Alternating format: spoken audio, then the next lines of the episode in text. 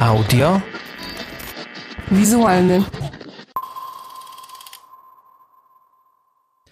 Witam wszystkich bardzo serdecznie. Kolejny odcinek audiowizualnego. Audiowizualny to podcast e, między innymi o filmach, ale e, też w ogóle o kulturze audiowizualnej. Ja nazywam się Karol Szafraniec i serdecznie zapraszam. Przypominam, że podcast może istnieć dzięki temu, że jest tworzony w ramach stypendium Kultura w sieci, które zostało przyznane przez ministra kultury i dziedzictwa narodowego. Zakończyliśmy temat studia Ghibli, poświęciłem temu trzy odcinki, a teraz wędrujemy w zupełnie inną stronę. Postanowiłem że wyciągnę teraz troszkę z szuflady rzecz e, dla jednych może bardzo niszową, dla innych e, bardzo mm, nietypową i kojarzącą się trochę z przeszłością. E, czyli stwierdziłem, że najbliższe dwa odcinki poświęcę zjawisku, które nazywało się, czy nazywa się teatr telewizji i które w Polsce, zwłaszcza w okresie PRL-u, odniosło olbrzymią popularność i w dużym stopniu jakby wiąże się z tamtą epoką. Teatr telewizji to bardzo dziwna formuła. Formuła, która jednych zachwycała, dzięki teatrowi telewizji e, widzowie mogli poznać światową literaturę, e, mogli też jakby co tydzień, nawet kilka razy w tygodniu obcować z najlepszymi aktorami, najlepszymi e, twórcami polskiego i teatru, i polskiego kina, i polskiej telewizji. Było to, był to rodzaj pewnego okna na świat i z jednej strony popularność teatru telewizji związana była z przychylnością decydentów dla tej formuły, no ale też teatr telewizji w różnych aspektach przyjął się po prostu wśród widzów. No i było to coś takiego bardzo niezwykłego. Byli oczywiście też tacy, którzy byli wielkimi przeciwnikami e, teatru telewizji, którzy uważali, że to jest taka, że to jest takie trochę nie wiadomo co, że to jest taka formuła hybrydowa. Ani to nie jest film, ani to nie jest teatr e, i tak naprawdę ciężko się to ogląda.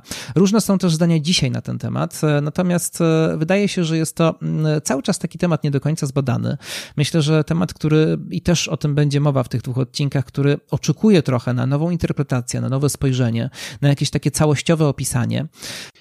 I oczywiście na przestrzeni tych e, dwóch odcinków e, nie damy rady omówić wszystkich najważniejszych aspektów teatru telewizji. Będziemy się jednak przede wszystkim skupiać na przeszłości, a przecież jest to formuła, która istnieje cały czas i w jakimś sensie e, wciąż się rozwija.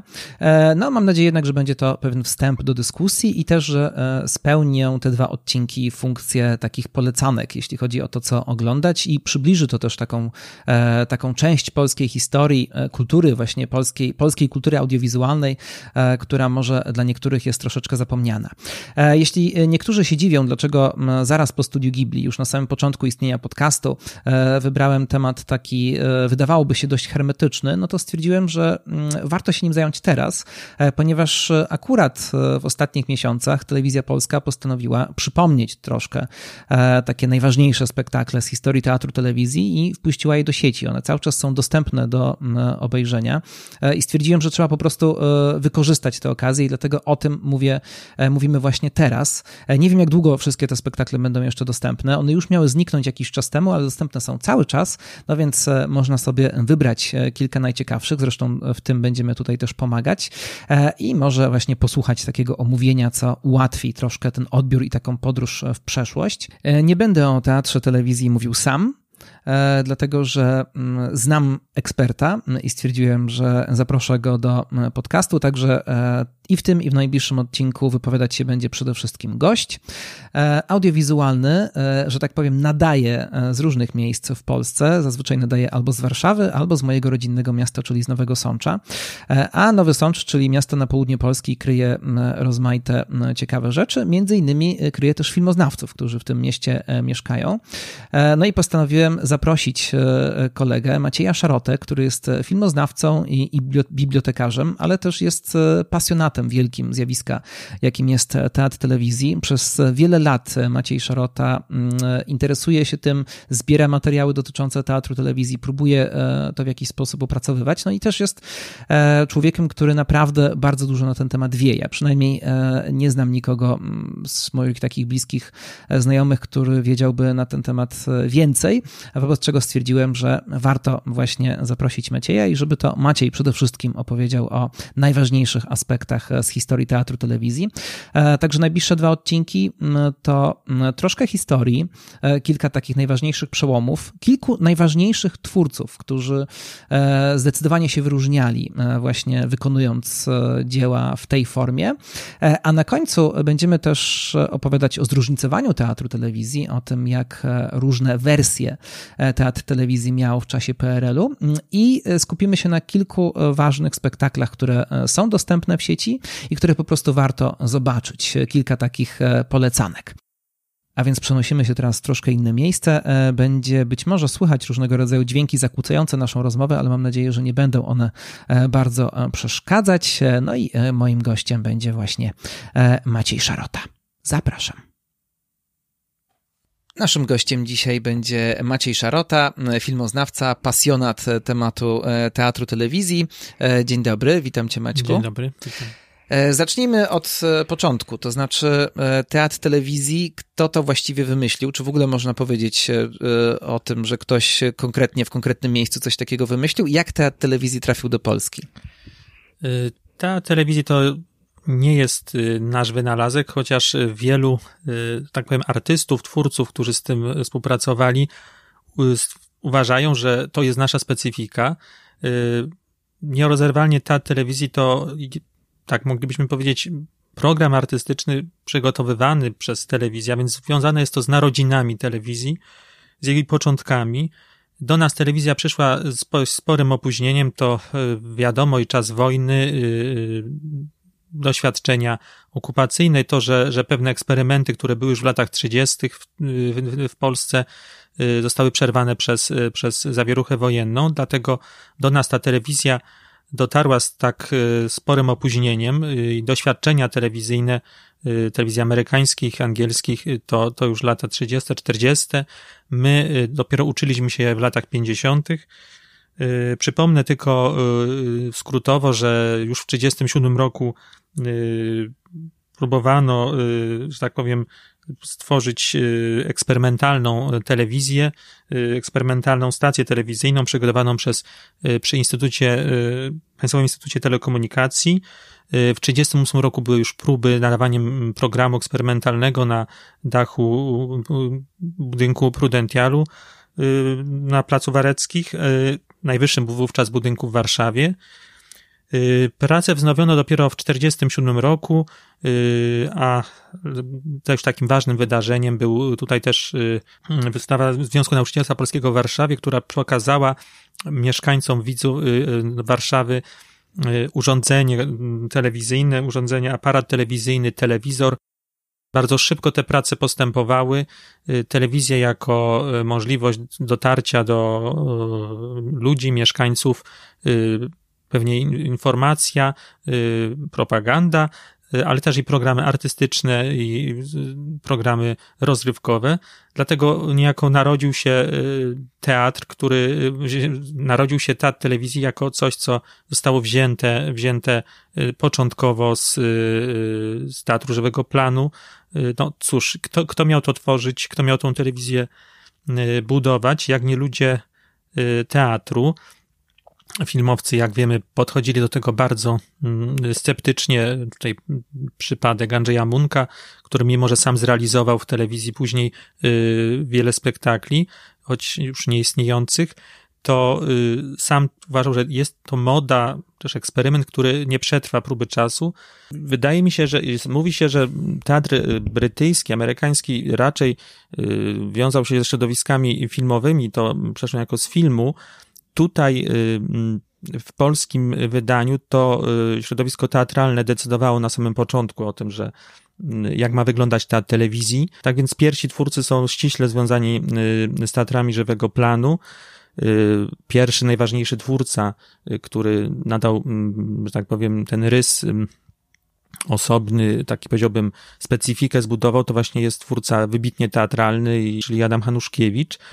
Y, między, jeszcze warto wspomnieć oczywiście i panią Marynę Bronieską trochę wcześniej, panią, pana Aleksandra Bardiniego, czy też właśnie twórców czy, czy ściśle związanych z, z teatrem, y, więc pan Czesław Szpakowicz, pan Ludwik René, Konrad Swinarski, który już trafił do telewizji w 1954 roku. Też z polskiego radia przychodzili twórcy, którzy próbowali oswoić się z tym, z tym, z, tą, z tą formą przekazu artystycznego. Z biegiem czasu grono twórców się poszerzało, nie, było, nie byli to tylko twórcy związani z teatrem, przyszli absolwenci y, łódzkiej szkoły filmowej, między innymi tutaj Jerzy Gruza, który chyba y, odcisnął bardzo, bardzo wyraźne piętno też jako indywidualne na, na teatrze telewizji, twórcy związani z dokumentem, twórcy stricte filmowi, którzy bardzo szybko próbowali y, swoich możliwości w telewizji. Y, cytując tu pana Andrzeja Wajdę, y, że właściwie było to uzupełnienie ich warsztatu. Z biegiem czasu też to jest kwestia pewnie i finansowa, że coś, co miało być filmem, powstał z tego ta telewizji. Bardzo szybko ta telewizja, bo właściwie już pod koniec lat 50., kiedy ogłoszono nagrody przewodniczącego Komitetu do Spraw Radia i Telewizji, kiedy wyróżniono już spektakle w 50, od końca lat 50. spektakle jako wydarzenia artystyczne, yy, nagradzono twórców, złote maski, które nagradzały y, artystów, aktorów, plebiscyty, y, które wyróżniały wartościowe programy artystyczne, y, spowodowały, że, że ta telewizji stał się odrębną dziedziną sztuki, odrębną wypowiedzią artystyczną, mhm. powiedzmy tak. Ta telewizji wydaje mi się, przy defini- gdybyśmy go definiowali Y, Anglicy nasz używają do określenia to, y, Brytyjczycy, przepraszam, używają dramat telewizyjny i to w takim wydaniu bardzo poważnym, ale że ta telewizja czerpie y, z bardzo różnych wypowiedzi artystycznych, niejako połykał i przeniesienia, mhm. później i transmisje i, i, coś, co byśmy y, nazwali, że to już jest, y, tworzy, y, używa środków filmowych. Bo pierwsze właściwie niecałe 10 lat to, to programy nadawane na żywo, to y, programy, które są nierejestrowane. Obecność odbiorników y, w Polsce wówczas była y, mikroskopijna, kilkadziesiąt telewizorów, y, to właściwie głównie w Warszawie i tutaj w większych ośrodkach. W 58 roku to jest już 30 tysięcy y, odbiorników, więc skala oddziaływania, myślę, była też y, przez wiele lat raczej jako oddziaływanie eksperymentu na, na, na, a nie jako masowe, masowe działanie.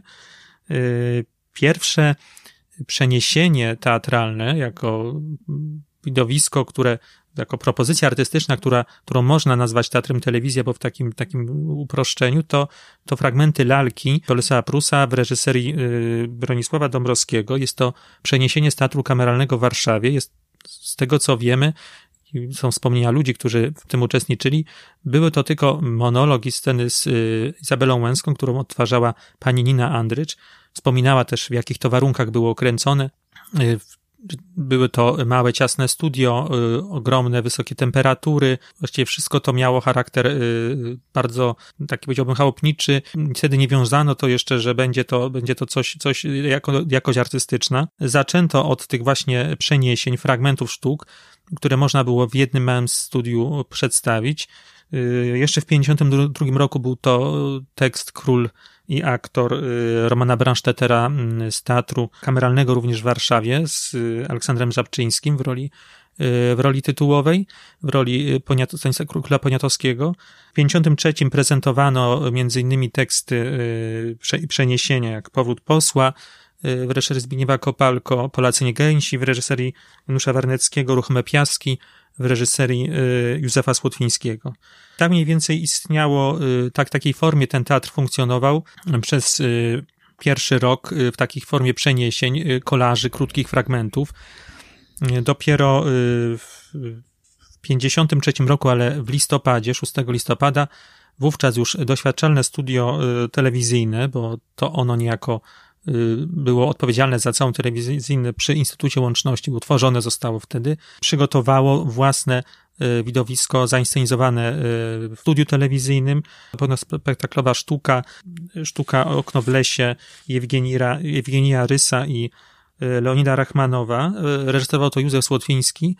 O radzieckich partyzantach na tyłach wojsk hitlerowskich. Dotyczyło to zrzutów konspiracyjnych. Ubrane to było w gatunek sensacyjno-melodramatyczny, też z wyraźnym mm, przesłaniem politycznym. W obsadzie występowali m.in. Stanisław Jaśkiewicz, Maria Garbowska, Jerzy Tkaczyk czy y, Czesław Raszkowski, Bolesław Płotnicki. Oczywiście wszystkie te spektakle wtedy, więcej do końca lat 50. były grane na żywo. Nie było możliwości tego rejestrowania. Nie było też możliwości, y, tak powiem, y, transmitowania wówczas tego z innych miejsc niż ze samego studia. Tak też ten teatr z tego czasu bardzo, właściwie mamy tylko po tym zdjęcia, wspomnienia y, ludzi, aktorów, twórców. Dawało to ogromne emocje dla twórców, realizatorów, aktorów i widzów, bo byli świadomi, że jest to grane na żywo w tym momencie. Y, wszystkie tak zwane sypki, y, błędy były wychwytywane, nie można ich było powtórzyć, poprawić. Ten teatr przez wiele lat funkcjonował, oczywiście już w latach 60., choć był rejestrowany z ekranu w trakcie emisji przez y, system, który pojawił się pod koniec lat 50., czyli y, telerecording. Stosowano już bardzo wcześnie tak zwane dokrętki filmowe, materiały nagrane na taśmie 16 mm, gdzie przy spektaklu, który szedł na żywo, można było wkleić, y, a przynajmniej y, montować fragmenty, które zostały zupełnie na innym, innym nośniku, że tak powiem, zarejestrowane. I one były zarejestrowane wcześniej. Wcześniej, tak. I taka możliwość już w 57 roku istniała.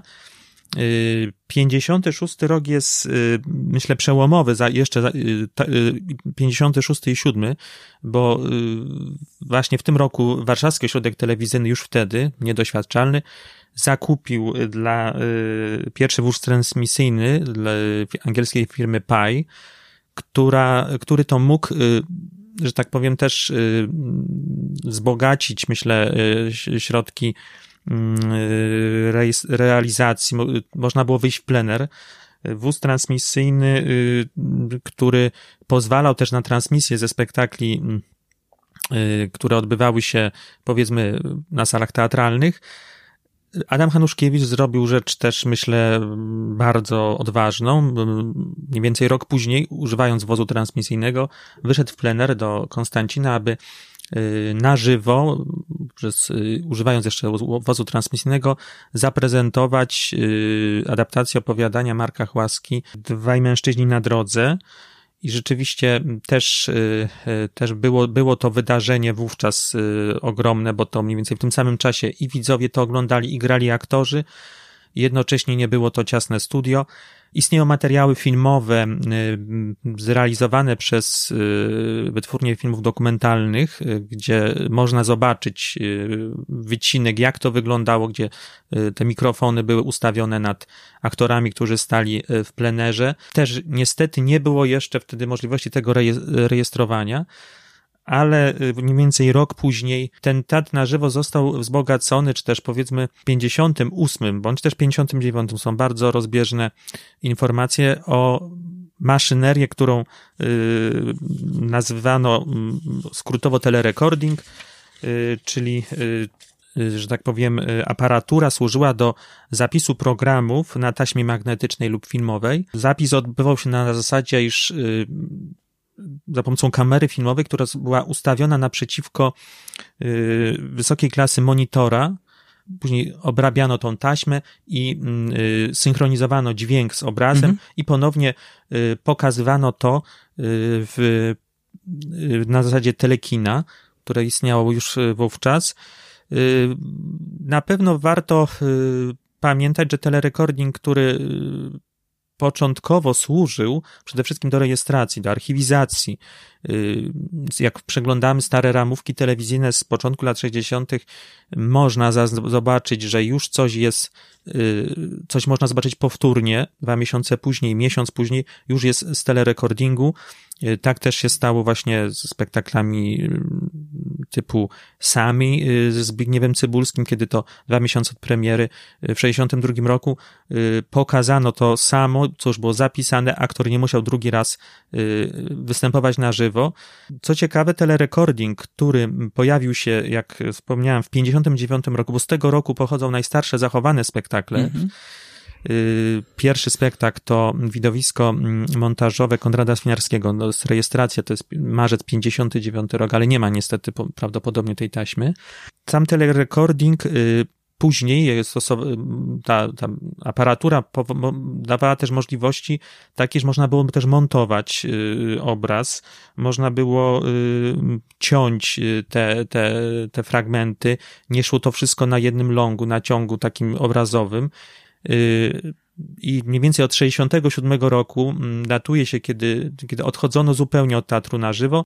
Od końca lat 60. pojawiają się magnetowidy, Ampex i, i, i jakby telerecording mniej więcej w 70 roku, 70, 71 to są ostatnie chyba premiery, kiedy, które były nagrane y, na tej aparaturze, ale to też jest związane z y, budową i przenosinami telewizji do gmachu na Woronicza, to mniej więcej koniec lat 60., kiedy telewizja przeniosła się do ogromnego y, swojego już y, miejsca, które jest, że tak powiem, do tego już specjalnie stworzone ze studiami i, i sama technika telerekordingu, no, Dzisiaj myślę, że y, nikt by już tego nie zastosował, ale dla historyków teatru, dla ludzi, którzy chcą mieć jakikolwiek do tego dostęp do tych spektakli. Myślę, że nawet do spektakli, do aktorów, do twórców, bo pewnie niektórych twórców byśmy w ogóle nie widzieli, gdyby nie ten telerecording, po prostu też mm, warto pamiętać, że telerecording to nie tylko teatr, telewizja, ale na przykład kabarety starszych panów. To wszystko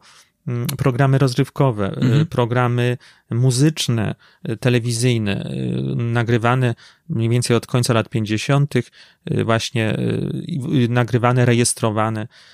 Dla porządku właściwie tak, no, z najstarsze rzeczy, które, które są zachowane, to chronologii, to właściwie inscenizacja dziadów w reżyserii Adama Hanuszkiewicza z 59 roku, taka, taki kolaż, z dramatu Wieszcza i y, Zawisza Czarny, również w reżyserii y, mistrza Adama, choć uważa się, że najstarszym spektaklem w całości jest Apollos Belak, tegoż twórcy, mimo że premiera odbyła się w 1958 roku, a rejestracja w 61. Y, dlaczego się tak przyjmuje? Y, dlatego, iż jakby zostało to zarejestrowane w 61 w identycznej obsadzie, choć w lepszych warunkach scenograficznych i studyjnych, y, coś, co miało premierę trzy lata wcześniej. Ale gdybyśmy się trzymali już tej takiej czysto chronologii, to, to, to nie jest spektakl z 58 roku, mhm. tylko z 61. W każdym razie przełom lat 50., 60. to są najstarsze rzeczy, które e, telewizja polska e, ma w swoim archiwum. E, warto też trzeba pamiętać, że telerecording to nie jest nagrywania wszystkiego, co się pojawiało w danym roku w telewizji. Mhm. Tą aparaturę stosowano nawet w przypadku teatru telewizji wybiórczo. Mhm. Mm, tutaj odwołuję się też do tekstu mm, takiej pani Henryki Bogusławskiej z końca lat 70., kiedy próbowano teatr telewizji Y, te stare spektakle powtarzać, y, najcenniejsze w takiej retrospektywie, y, też właściwie okazuje się, że w samym roku bodajże 50, 60 to jest tylko 7 spektakli, 22 w 61, a przecież poniedziałków czy też premier było dużo więcej, a więc była też pewna selekcja i pewne rzeczy nie zostały zarejestrowane, inne zostały, chociaż w kontekście telerecordingu i tego, co jest a co się zachowało, nie zachowało, to jest wciąż chyba sprawa otwarta. Yy, wiele twór, wielu twórców, wielu, myślę, osób, yy, które pracują w telewizji, albo też historyków, którzy badają danego artystę, natrafiają na rzeczy, które uważane były za zaginione i odnajdują się w przepasnych archiwach telewizyjnych. Yy, nie mnie to oceniać, jak to jest przechowywane, ale wciąż rzeczy, które wydawały się które bezpowrotnie y, utracone, znajdują się y, w telewizji. Telewizja to przypomina.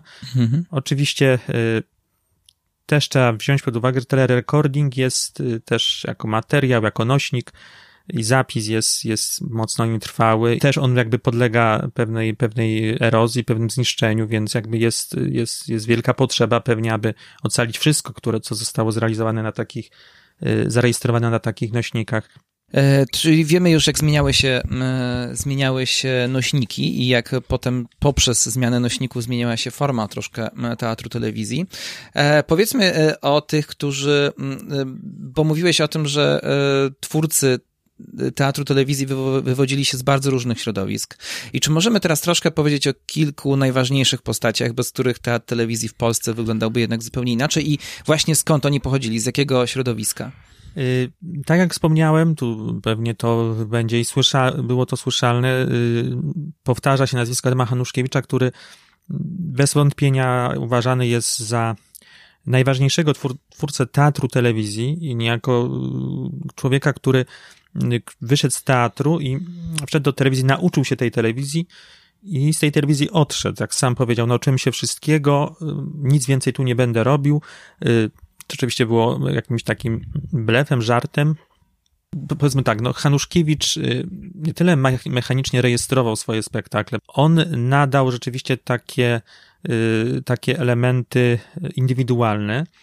Mówi się, że przełamał barierę psychologiczną ludzi teatru i spojrzał w wizję kamery. Też niejako otworzył drzwi i zaprosił innych twórców do telewizji no, myślę, że kwestia jakiejś obawy y, purystów teatralnych były i nie każdy chciał się, że tak powiem, w to, w ten, w ten eksperyment mm, bawić. Jak wiemy, Andrzej Munk nigdy y, nie zaakceptował do, zaakceptował do końca telewizji i uważał, że, że jest to jakaś y, jednak forma eksperymentalna. Ale mimo wszystko Andrzej Munk pracował. Pracował, zrealizował y, kilka spektakli, między innymi y, pierwszą wersję Pasażerki. Niestety do tej pory nie znalazły się taśmy z tego y, okresu, mimo że y, dwa z nich powstały w czasie, kiedy już był telerekording, to jest właśnie Pasażerka i y, Arlekinada Terensa Rattingana. Tutaj odwołuję się to do mm, książki pani profesor Eweliny Nurczyńskiej-Fidelskiej, która badała twórczość Andrzeja Munka i też jakby tą twórczość telewizyjną, ale tylko na podstawie recenzji. Są zapisy, tylko też dokumentalne prace Andrzeja Munka przy, przy realizacji spektaklu, jak to wygląda od kuchni. Yy, ale właściwie Adam Hanuszkiewicz, który sam kiedyś właściwie powiedział, że dużo nauczył się od ludzi filmu, to z kolei yy, cytat y, z Janusza Majewskiego, który bardzo też wcześnie, bo w 1961 roku y, trafił do telewizji, adaptując opowiadanie y, Stanisława Lema. Dziękował też Adam Hanuszkiewicz Januszowi Majewskiemu za to, że, że bardzo dużo się od niego nauczył, że od was filmowców dużo ci twórcy teatralni czerpali w sensie stosowania kamery, stosowania montażu, Dlatego też myślę, że to, było takie czerpanie y, i twórców teatralnych, i filmowych y, wzajemne.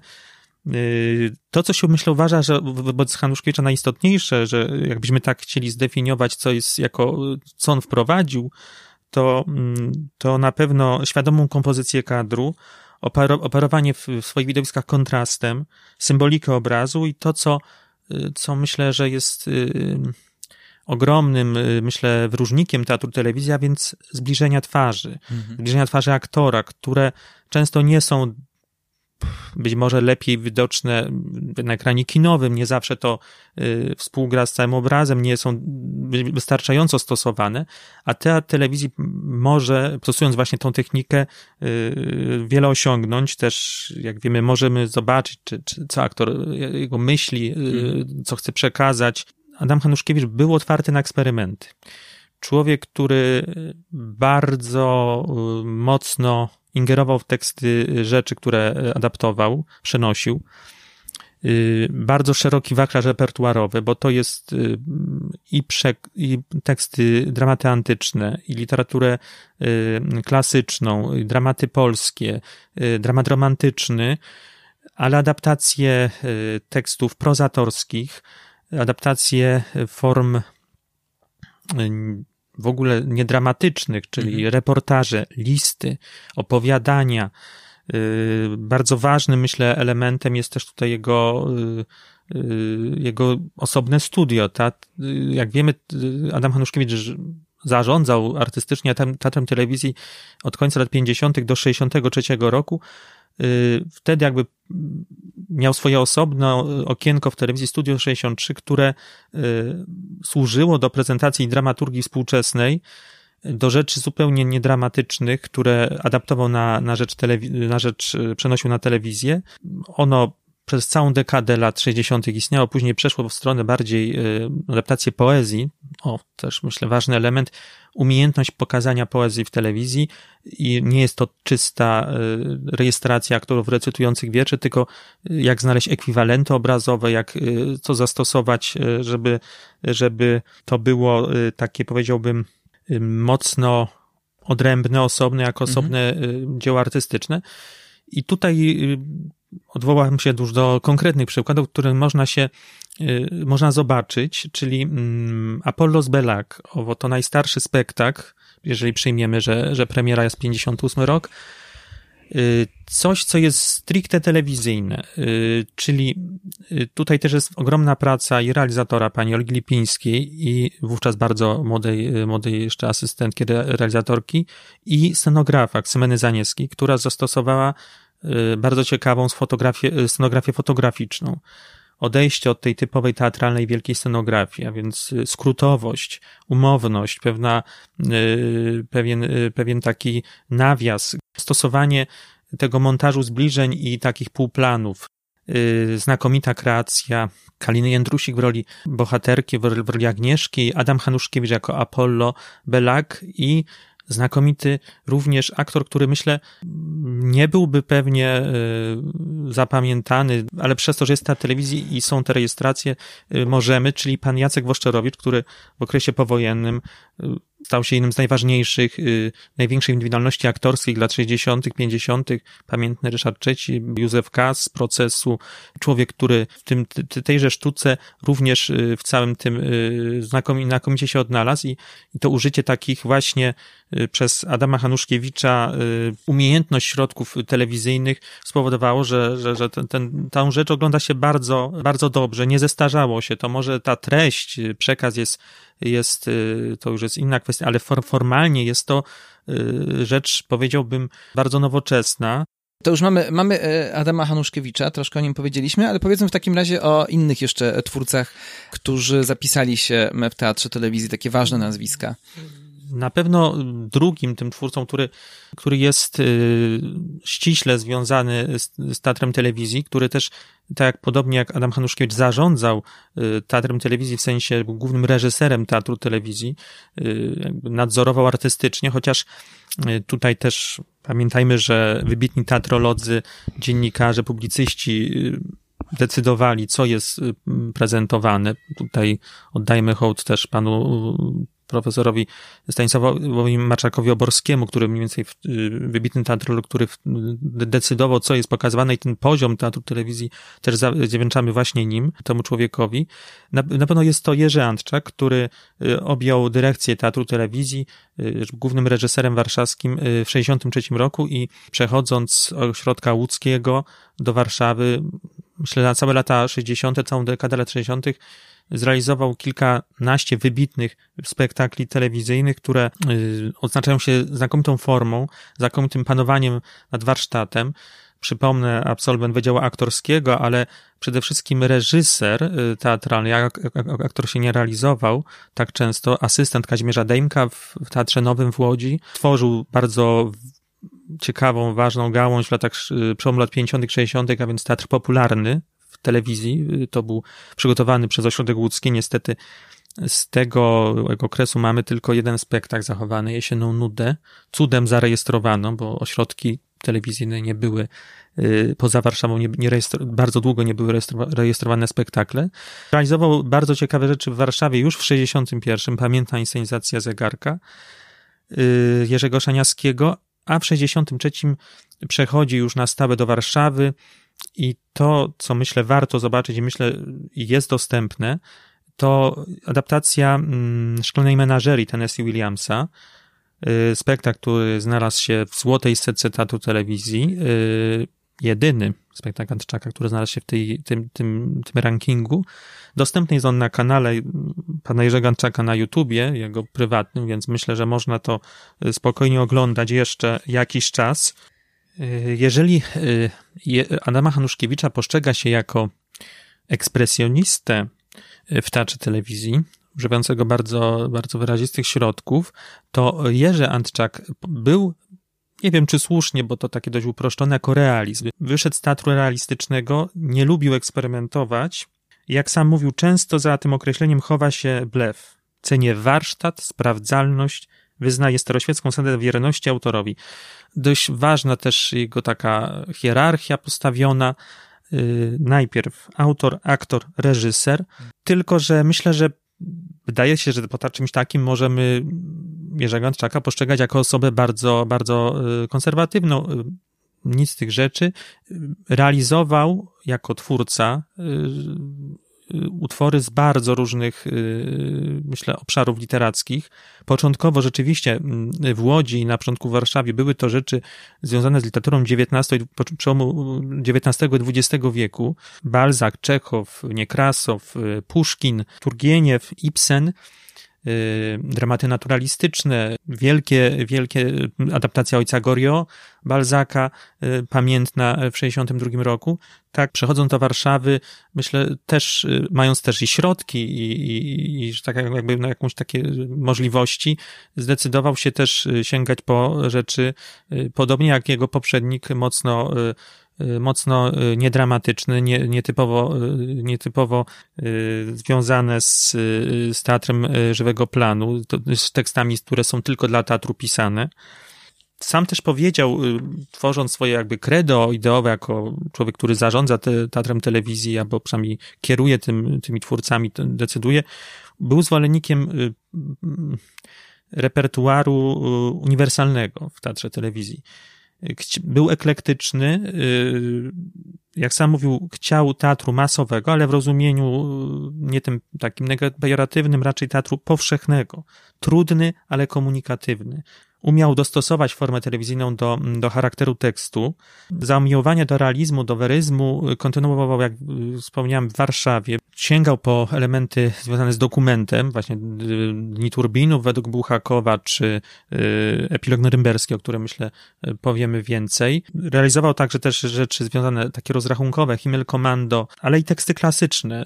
Juliusz Słowacki, tutaj fantazy, inscenizacja, Kordian, y, też realizowany na pół filmowo, pół telewizyjnie. Część fragmentów jest nagranych w Pałacu Kultury, sceny z papieżem, czy też rzeczy takie jak dramaturgia amerykańska, bardzo, bardzo ją też myślę cenił, czy teksty pisane specjalnie dla niego, dla telewizji, że tak powiem. I właśnie tutaj jest postać y, pana Zdzisława Skowrońskiego, y, scenarzysty, y, dramaturga, który dla telewizji między innymi właśnie napisał pamiętny tekst Mistrz, który właśnie Jerzy Antczak zrealizował i w teatrze telewizji, później to przeniósł na taśmę filmową. Y, ważny dla Jerzego Antczaka był aktor. Y, miał ogromną intuicję, ogromnego, że tak powiem, szczęście, że do swoich realizacji znajdował znakomity zespół aktorski, to on decydował też y, o sukcesie jego spektakli. Y, miał swoich aktorów, swoich y, scenografów, pan Jerzy Masłowski, tutaj myślę, że warto pamiętać o tym nazwisku, swoich kompozytorów, pan Waldemar Kazanecki, który już w latach 60. Y, stworzył dla pana Jerzego Antczaka ciekawą muzykę. I tutaj wracam do Szklanej Menażerii, bo ten spektakl warto, wspomniałem, warto obejrzeć.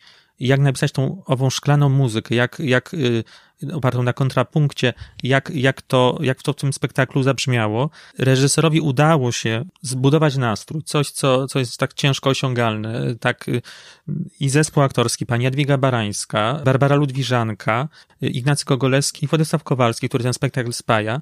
Epilog norymberski to jest, myślę, że też Y, osobna jakość y, w twórczości telewizyjnej Antczaka, osobny, osobna, osobny rozdział, wzorcowy przykład Teatru Faktu, który y, osobną był gatunkiem w teatrze telewizji.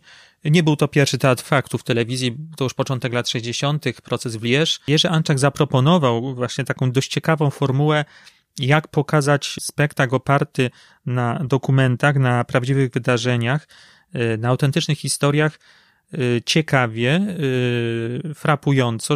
Przypomnijmy, epilog norymberski zrealizował Jerzy Antczak w 1969 roku. Premiera była w listopadzie 69 roku. Scenariusz jest oparty na podstawie protokołów procesu norymberskiego. Osobą, która niejako jest w tym spektaklu łącznikiem między aktorami, a między, między fikcją a rzeczywistością jest osoba, która uczestnikiem była procesu norymberskiego, a więc pan redaktor y, Karol Małcurzyński, który y, był korespondentem polskim w czasie procesu.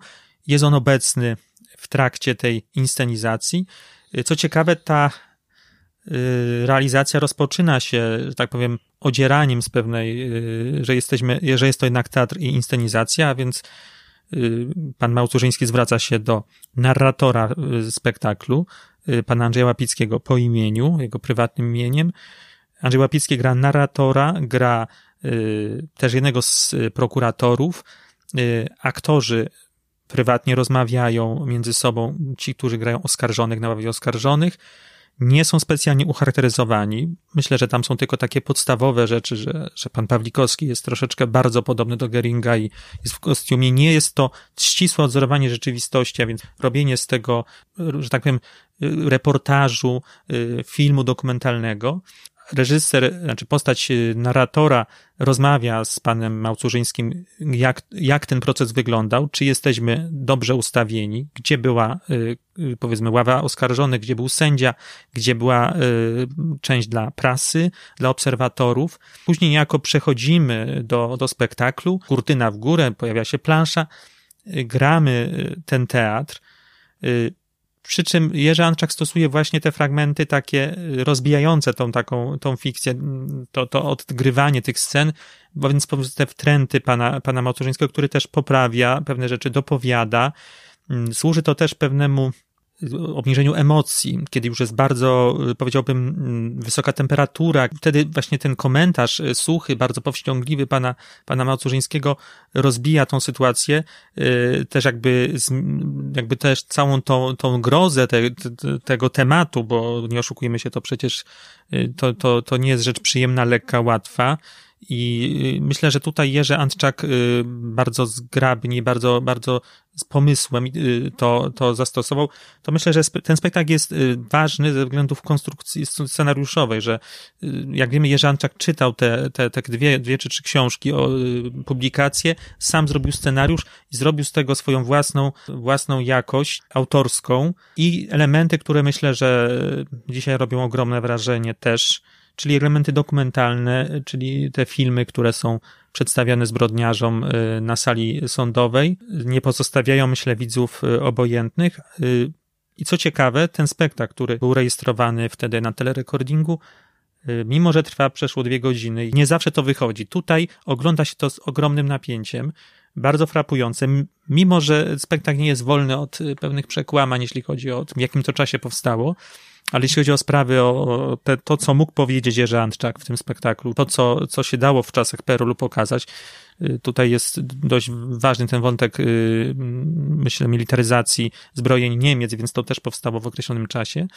Sukces spektaklu był ogromny, frekwencyjny, oglądalności y, i to wiemy też jako dla filmu, że zdecydował się rok później zarejestrować to na taśmie filmowej. Było to w kinach, zmienił tam troszkę obsadę, ale ten pierwowzór telewizyjny, który jest dostępny i na Ninatece i na VOD, robi ogromne wrażenie.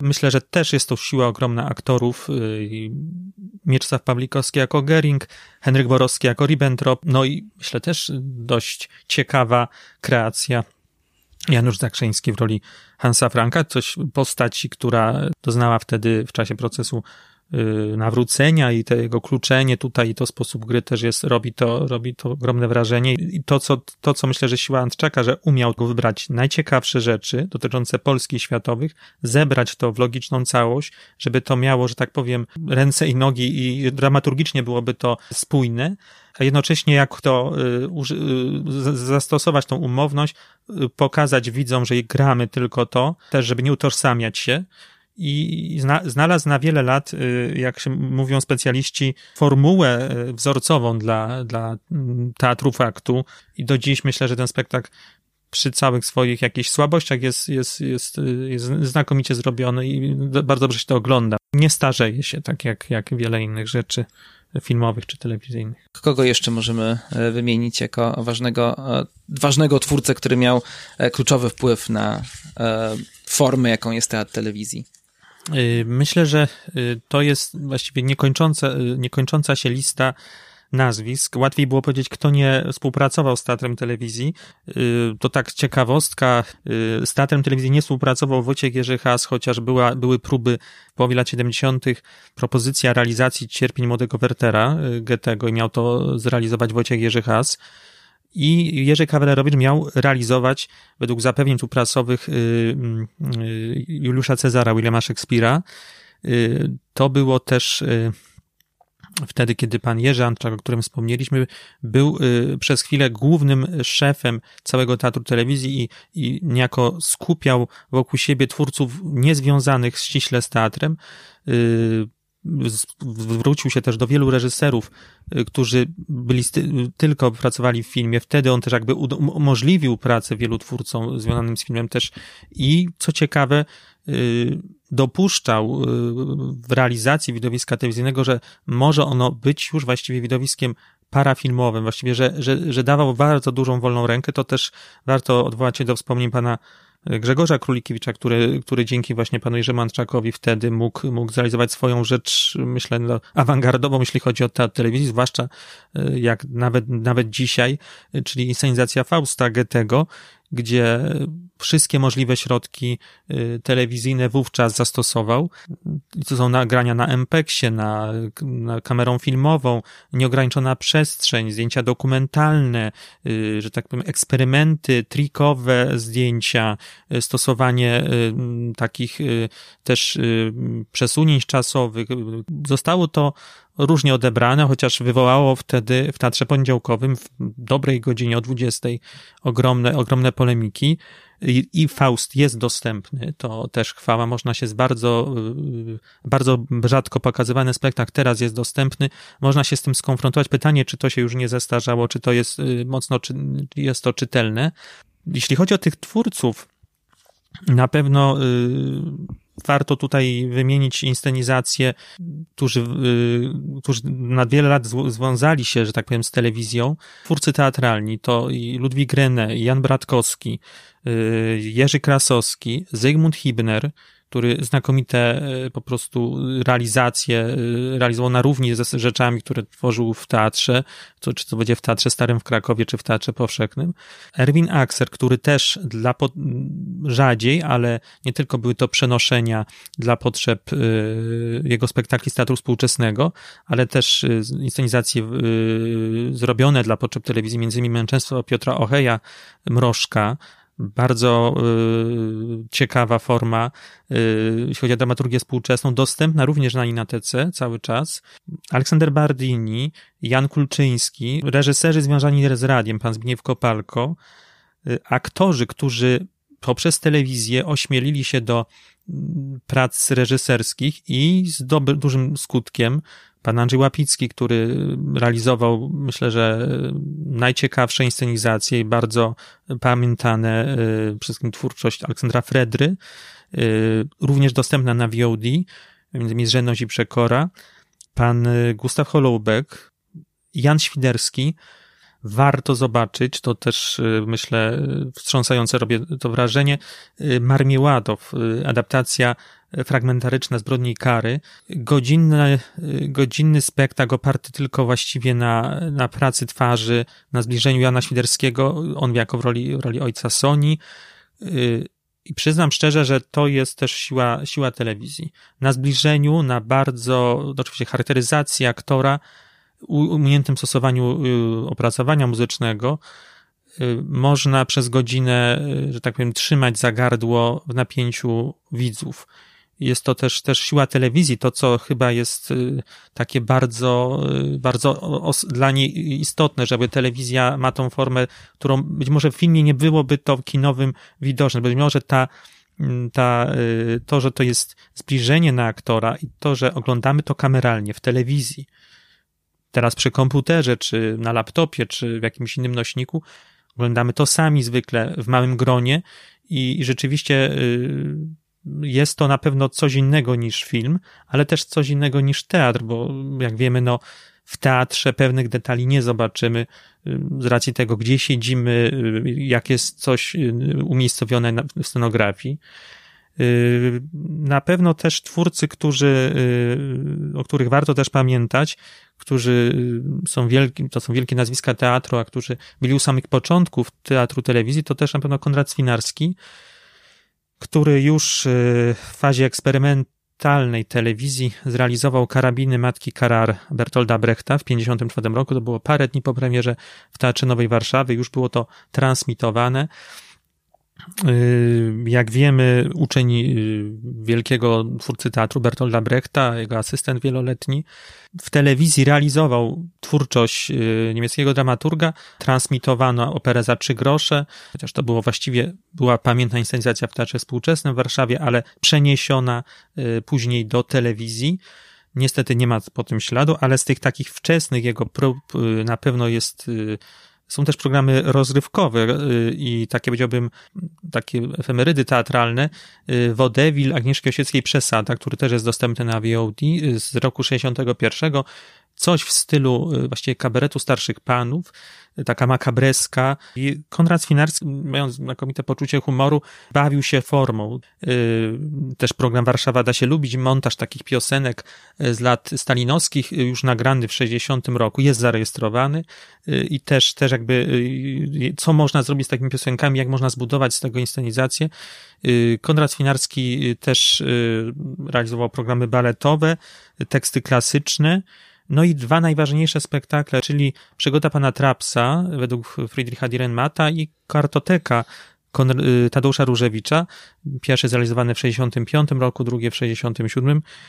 To już są takie dwa skończone telewizyjne dzieła, y, dojrzałe dzieła Konrada Swinarskiego, który, jak widać, y, potrafił stworzyć nową jakość i myślę, że te spektakle będą na równi traktowane, są, powinny być wobec tego, co zrobił w Teatrze Żywego Planu, w Teatrze Starym w Krakowie, czy w Teatrze Współczesnym w Warszawie wcześniej. Przygoda pana Trapsa jest dostępna y, na serwisie y, teatralnym Ninateki. Y, adaptacja słuchowiska, najpierw później podania Kraksa, zrobiona, adaptacji dokonała telewizyjnej Barbara Witek-Swinarska.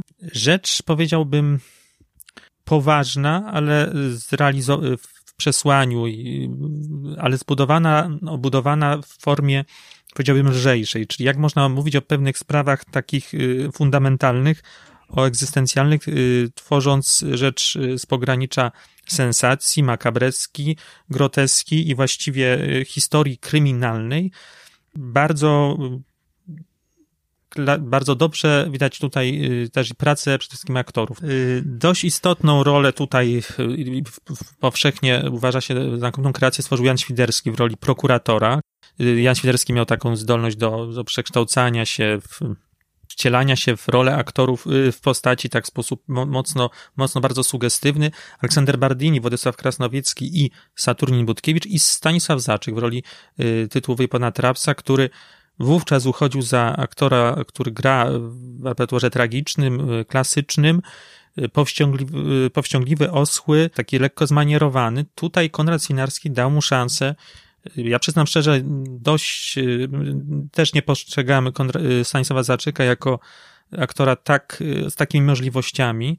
Tutaj człowieka, który początkowo jest bardzo taki, powiedziałbym, mocno poukładany i na naszych oczach przekształca się w człowieka zastraszonego, przerażonego, słabego, ta ekwilibrystyka i myślę tego aktora tutaj formalna, jak on potrafił to, to rozegrać, to jak myślę, że pan Konrad Winarski poprowadził aktorów jest, jest, jest tutaj, robi, robi to ogromne wrażenie i do tego pani Zofia Małynicz, która jest w tle. Drugim spektaklem, który myślę warto, jeśli chodzi o Konrada Chmielskiego, polecić, to oczywiście Kartoteka.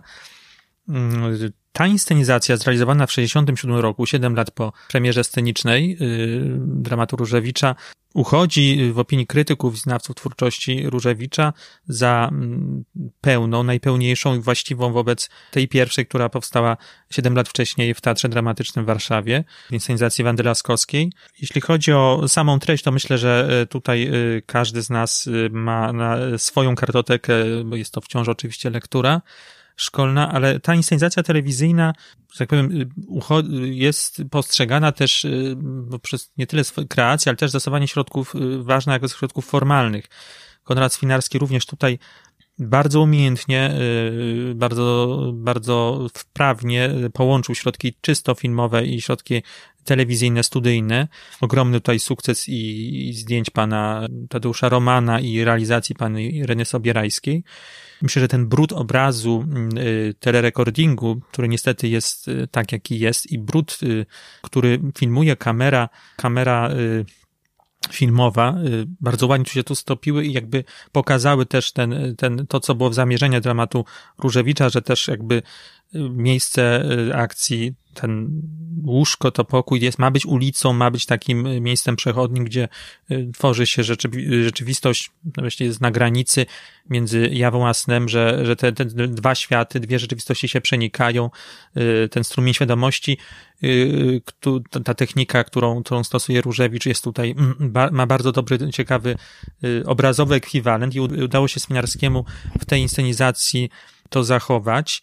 Mówiło się, że ta inscenizacja też mm, jakby jest zapisem mm, stanu świadomości nie tyle y, bohatera, ale też czasu, kiedy powstała, kiedy właściwie był schyłek czasów gomułkowskich, czasu małej stabilizacji.